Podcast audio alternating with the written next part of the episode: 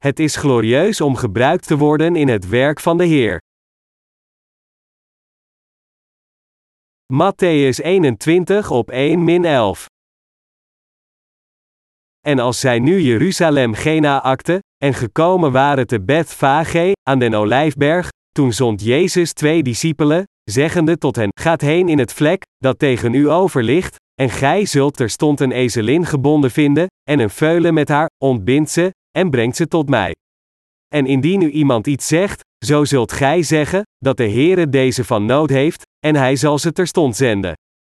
Dit alles nu is geschied, opdat vervuld worden, hetgeen gesproken is door den profeet, zeggende, zegt der dochter Sions, zie, uw koning komt tot u, zachtmoedig en gezeten op een ezelin en een veulen, zijnde een jong ener jukdragende ezelin.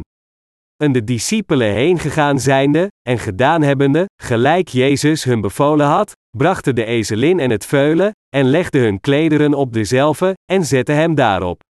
En de meeste scharen spreidden hun klederen op den weg, en andere hieuwen takken van de bomen, en spreidden ze op den weg.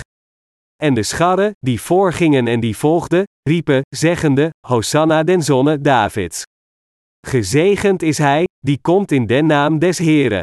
Hosanna in de hoogste hemelen. En als hij te Jeruzalem inkwam, werd de gehele stad beroerd, zeggende, wie is deze? En de scharren zeiden, deze is Jezus, de profeet van Nazareth in Galilea. Ik kom net terug van het leerlingtrainingscentrum in Inja. Het Inja-centrum is een fantastische plek om vakantie te vieren en is een fijne plaats om te werken als je daar bent. Ondanks dat we voorbereidingen hebben getroffen voor het zomerleerlingtrainingskamp in het centrum, lijken onze inspanningen minimaal, ondanks het feit dat we hard hebben gewerkt. Als eerste hebben we de dekens die we gaan gebruiken gesteriliseerd. Daarna hebben we de matten gereinigd en gedroogd, we hebben de grond omgeploegd en weer gelijk gemaakt. Dit jaar hebben we het zwembad gemaakt, wat een lang gekoesterde wens was. Het zwembad werd precies volgens onze specificaties gemaakt. Het is ongeveer 60 vierkante meter en is geschikt voor volwassenen en kinderen. We hebben aan het bovenste deel een pompinstallatie geïnstalleerd dat veel water bewaart. Het water loopt stroomafwaarts als we de pomp opendraaien. We hebben ook een badkamer naast het zwembad gemaakt. De twee dagen zijn omgevlogen toen we deze dingen gemaakt hebben. Het weer was heet. De zon scheen onbarmhartig. Ik kon bijna niet in de zon lopen, ondanks dat ik mijn strohoed op had. Maar het is hier waarschijnlijk nog erger. De temperatuur is daar veel beter dan hier, waarschijnlijk komt dit door de bergen en dalen die ze daar hebben. Toch was het werken in de hitte van de zon zwaar voor me omdat het zo heet was.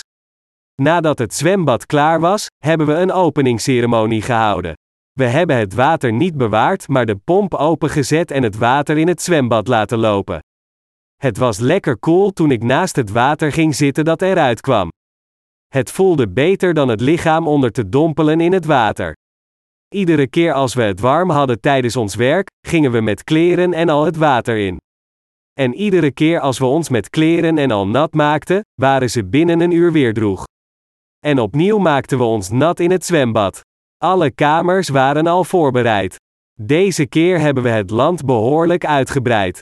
We hebben 170 vierkante meter uitgegraven en geëgaliseerd.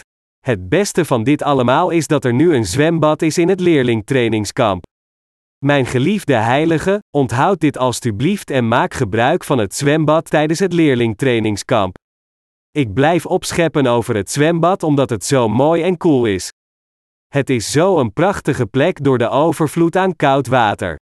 Ondanks dat we twee dagen en nachten met alle pastoors van elke kerk uit heel het land gewerkt hebben, konden we het werk niet afmaken. Ik denk dat we volgende week nog een keer samen moeten komen om uw verblijf in het leerlingtrainingscentrum comfortabel te maken. Als iemand van u volgende week met me mee wil gaan, laten we dan samen gaan. Na het werk en het gezweet, kunt u de hitte van de zon afspoelen als u in het valleiwater in het leerlingtrainingscentrum stapt. Jezus zei: Gij zult terstond een ezelin gebonden vinden, en een veulen met haar, ontbindt ze, en brengt ze tot mij. Toen Jezus in de buurt van Jeruzalem kwam, en in Bethfage was, zei Jezus tegen zijn leerlingen: Ga naar het dorp, en ontbind een ezelin en haar veulen en breng ze naar mij.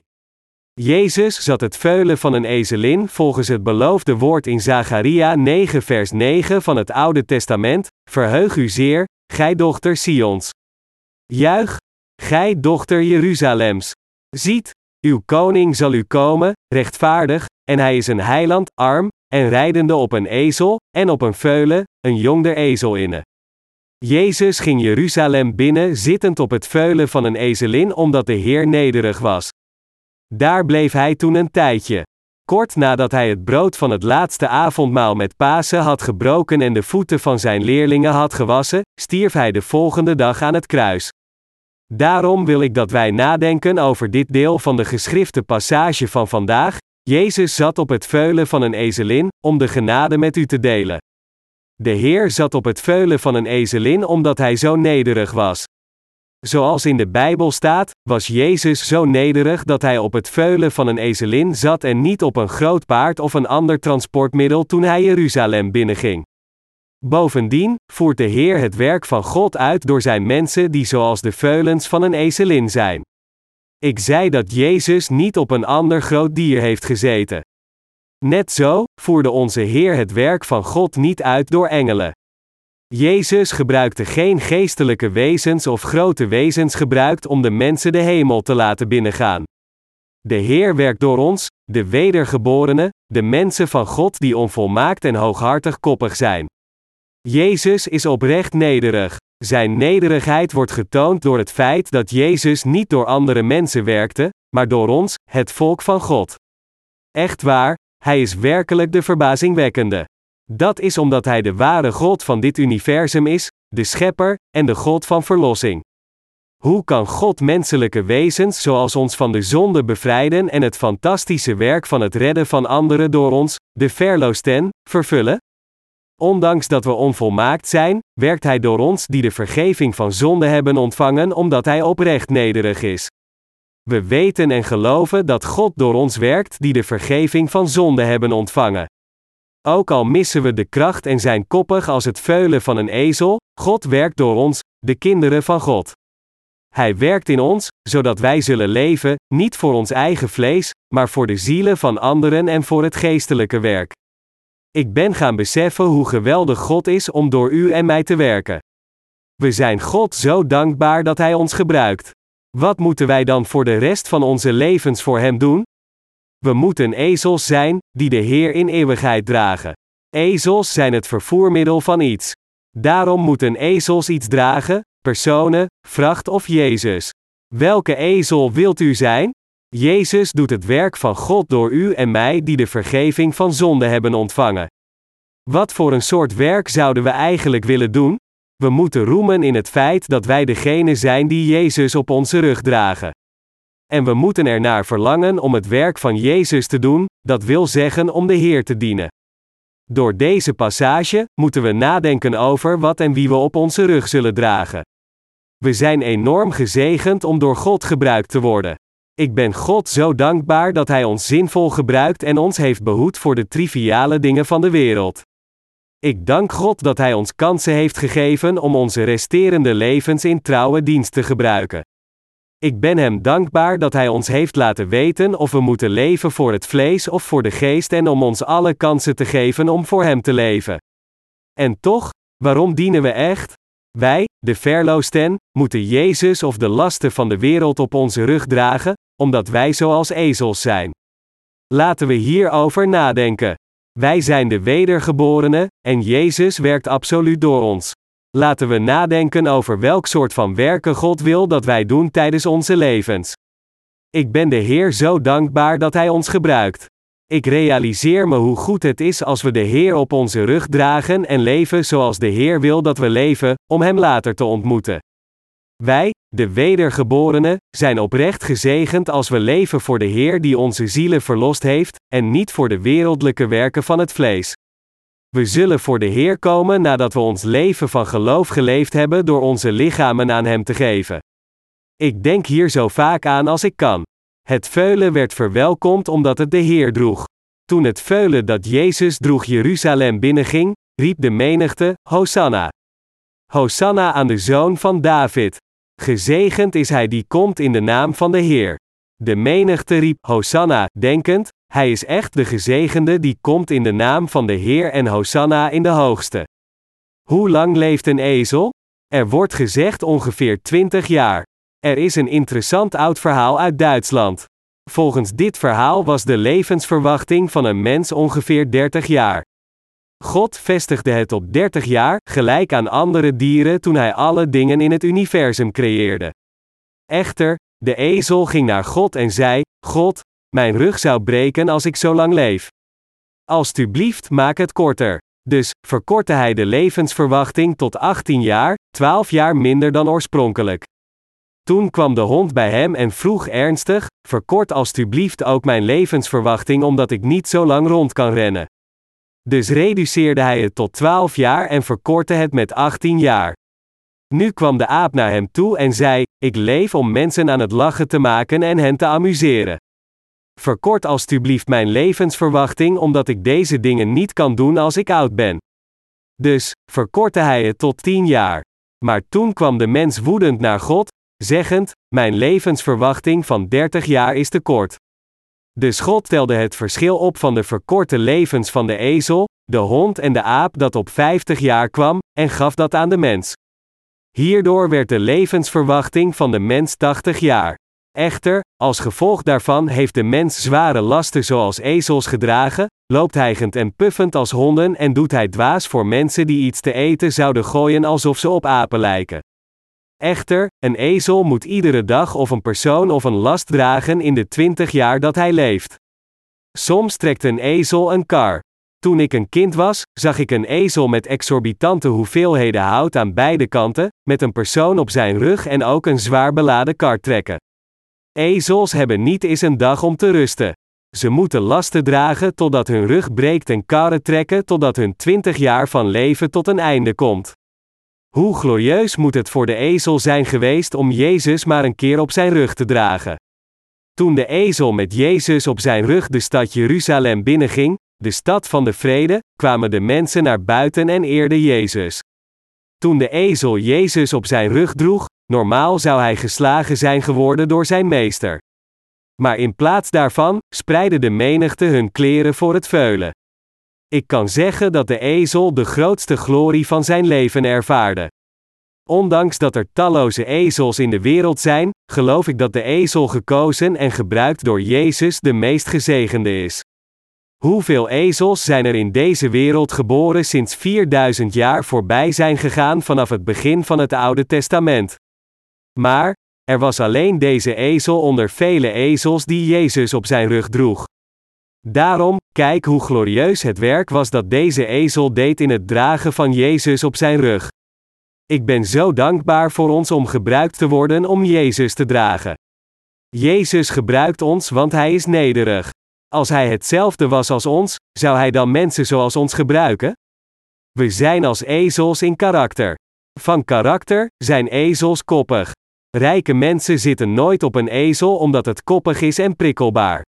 Dus, als ze ergens naartoe moesten, dan zaten ze op een paard en niet op een ezel. Mensen denken dat zij zichzelf verlagen als zij op een ezel zitten omdat de ezel slecht scoort. Het is ongemakkelijk en moeilijk te beheersen. Mensen willen op grote witte of zwarte paarden rijden omdat ze denken dat ze als arm worden beschouwd als ze op ezels rijden. Als een koning of een lid van de koninklijke familie met een wit hemd en een zwarte jas op een prachtig paard rijdt, dan ziet hij er groot en elegant uit. Maar stelt u zich een go-edge kleedpersoon rijdend op een ezel voor. Het zou nooit goed uitzien. Hoe glorieus was het voor deze ezel om door Jezus gebruikt te worden, de koning der koningen. Het is echt een zegen om door God gebruikt te worden. Ik ben zo dankbaar dat Hij ons gebruikt, die nederig zijn. Ik geloof dat er betere ervaring is dan dit. Ik ben dankbaar dat ik mijn hart op Zijn werk kan richten en mezelf aan Hem kan geven, en dat Hij mij gebruikt. Ik voel hetzelfde als ik u allen zie. Als ik u zie, dan ben ik God dankbaar dat Hij niet alleen mij gebruikt, maar ook u allen. Woorden kunnen niet uitdrukken hoe dankbaar ik ben. Ik voel me zo dankbaar dat ik de Heer kan dienen, de Heilige, en dat ik het Evangelie aan de verloren zielen kan overbrengen. Hoe dankbaar zijn wij dat wij dit werk hebben waarin we als ezels gebruikt worden door de Heer? Hoe prachtig is het dat God iemand zoals ons gebruikt. Ik ben zo dankbaar. Ik ben zo dankbaar dat ik het werk van de Heer doe. Omdat we maar menselijke wezens zijn, doen we altijd of de dingen van het vlees of de dingen van de geest. Romeinen 8, vers 5. We doen het werk van het vlees heel goed.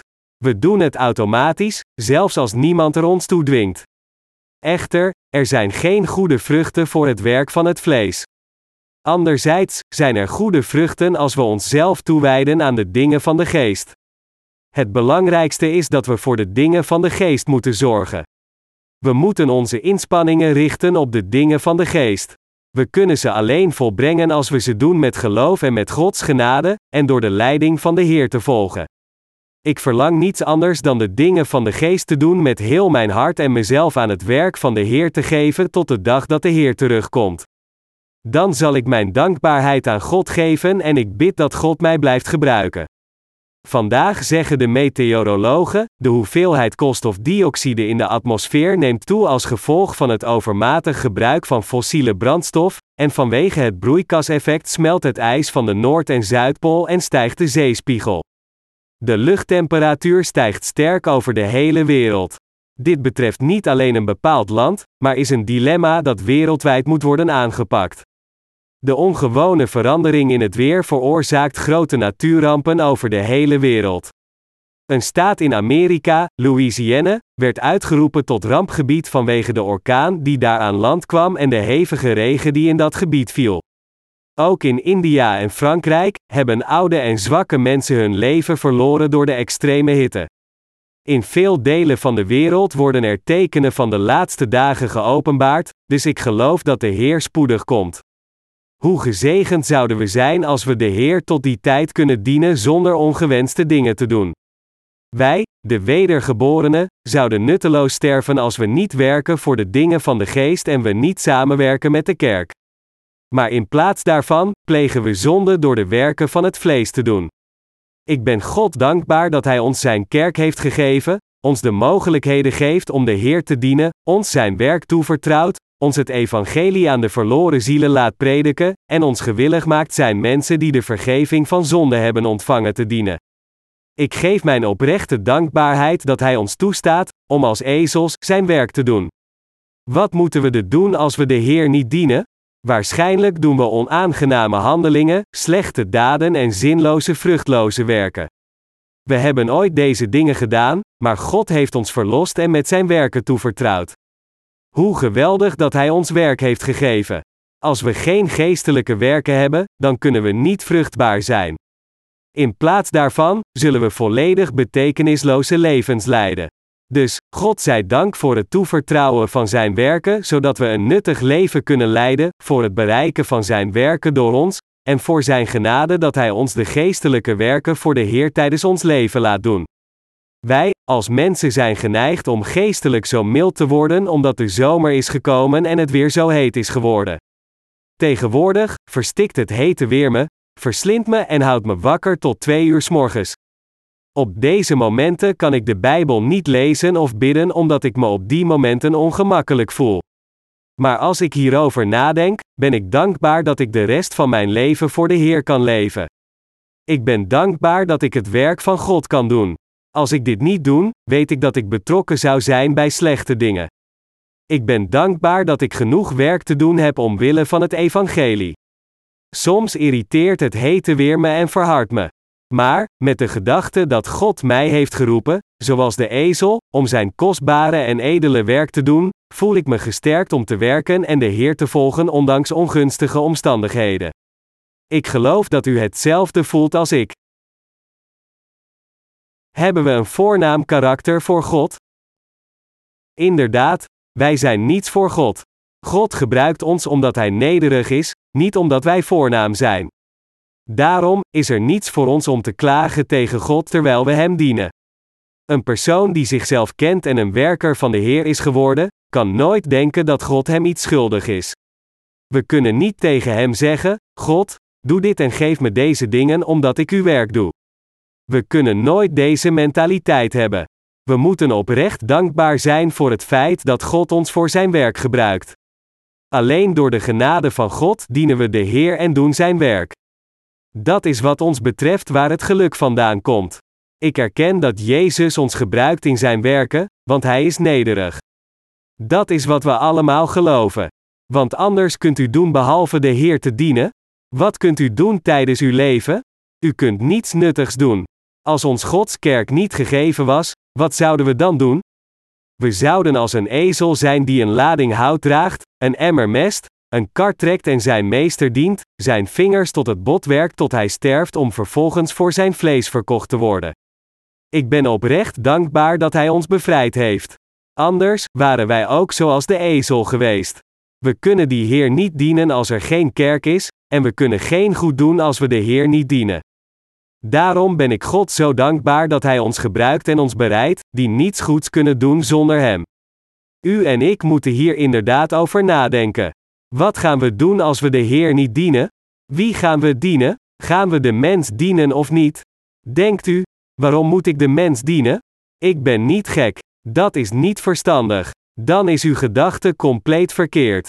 Als we de Heer niet dienen, dan hebben we geen andere keus dan de mens te dienen. Als een mens met macht ons beveelt hem te dienen met een zweep, dan hebben we geen andere keus dan hem te dienen. Een persoon kan niet nalaten ondergeschikt te zijn aan de sterke. Uiteindelijk zullen we de mens dienen. Waarom ging Jezus Jeruzalem binnenrijdend op een veulen? De reden dat Jezus op een veulen zat was om ons te leren dat diegenen die gebruikt worden door God enorm gezegend zijn.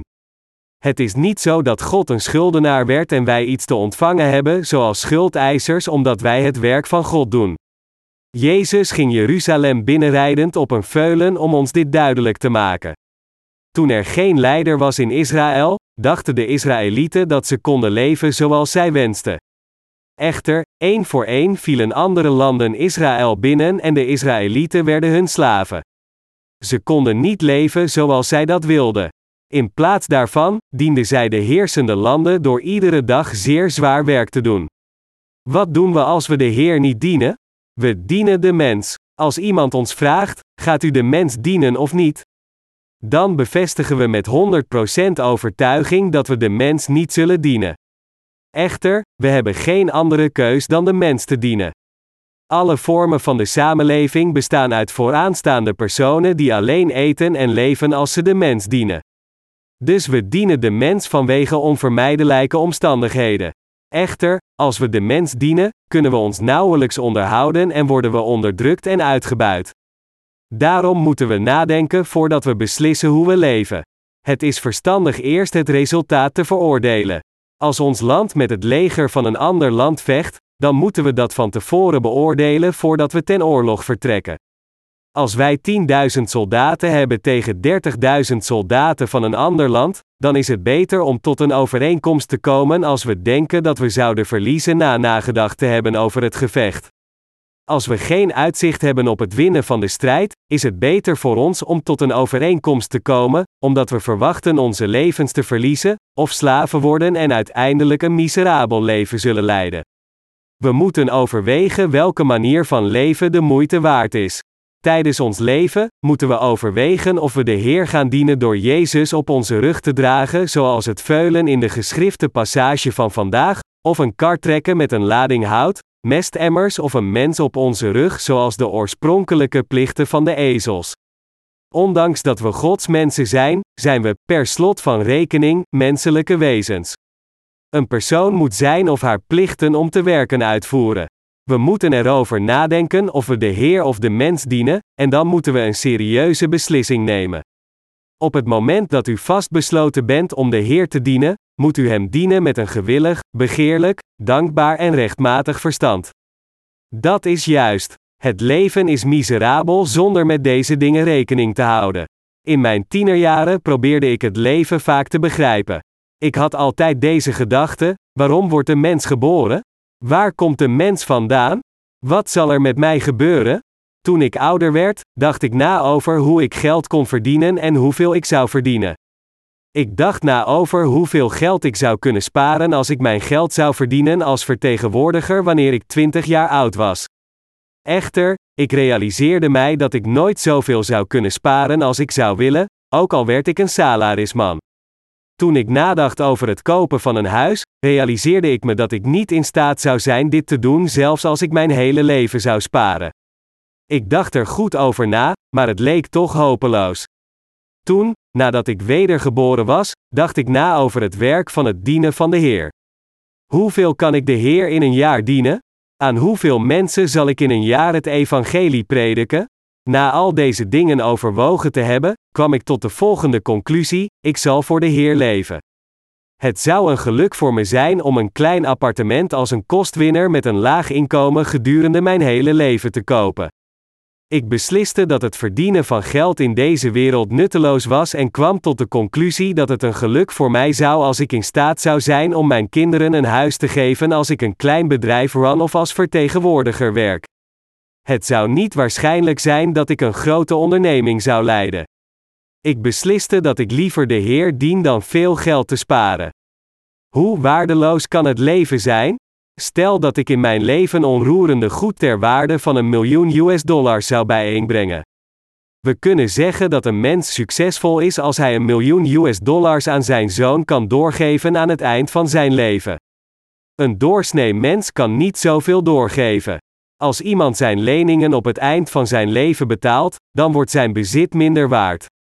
Dus, over het algemeen, is het een succes dat iemand een miljoen US dollars aan zijn kinderen kan achterlaten.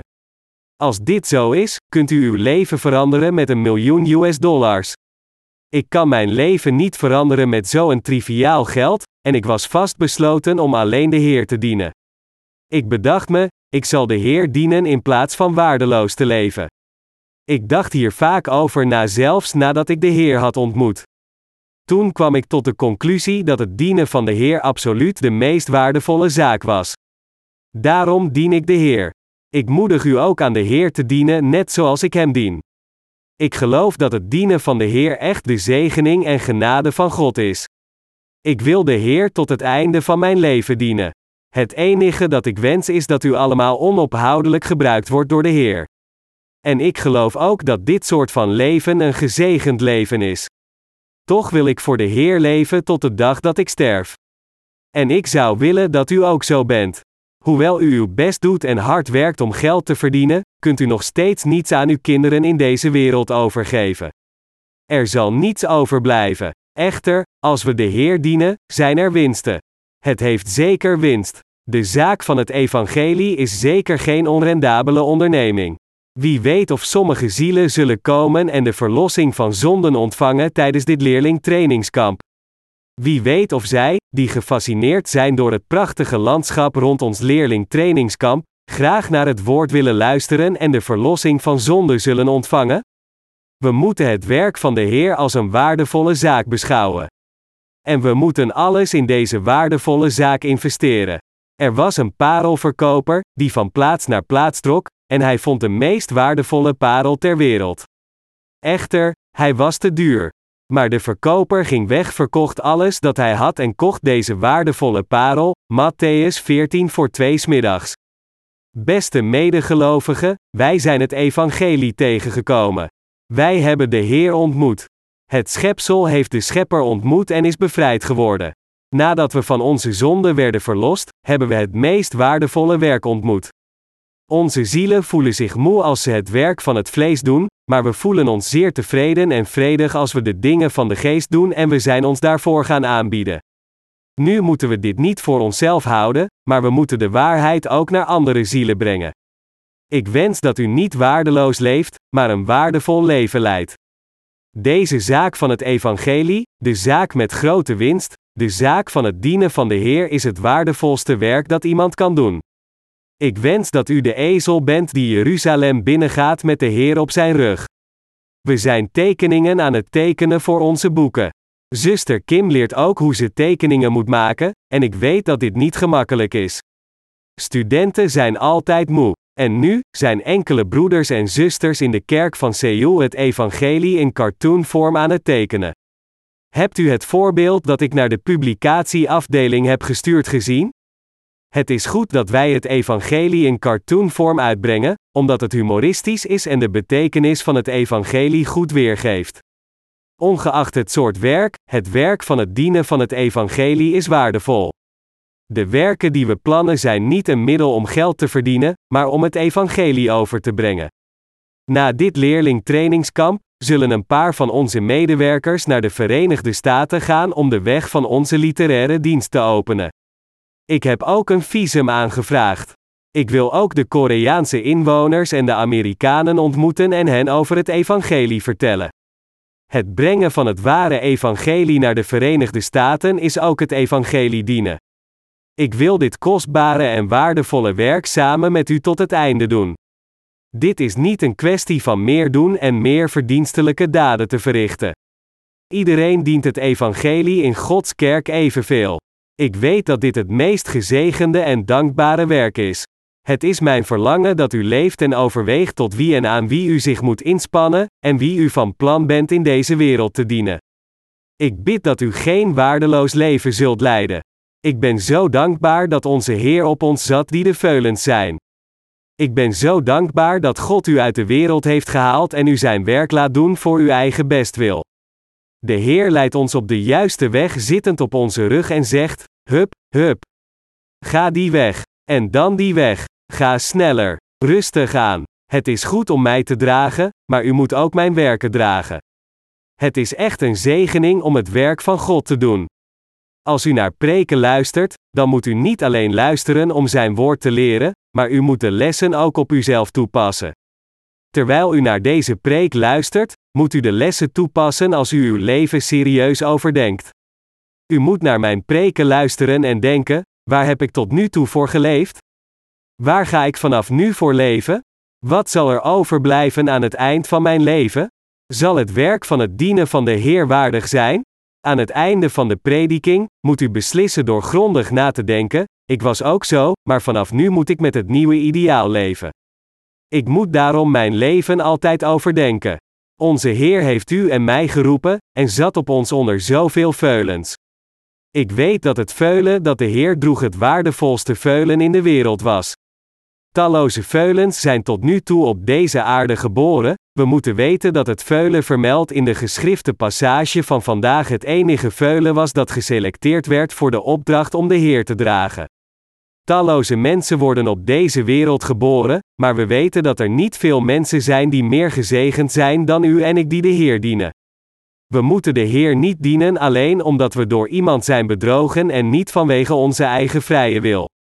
We moeten onderscheiden wat het waardevolste leven is en nadenken met onze eigen vrije wil om de Heer tot het einde met geloof te dienen. Dit is het meest gezegende leven. Ik weet dat het dienen van de Heer het waardevolste leven is of u Hem dient met gebeden, materialen of tijd. Waar leeft u nu voor? Waar en voor wie leefde u? Wat blijft er in uw leven over? Wat blijft er over als u meer leeft? U moet de gezegende dingen verlaten. Ik bid dat u het werk van de Heer zult doen en de kostbare resultaten om voor de Heer te leven zult laten zien als Hij u roept. Ik wens voor u allemaal, de rechtvaardige, dat u geen waardeloze levens zult leiden. Laten we gezegende levens leven.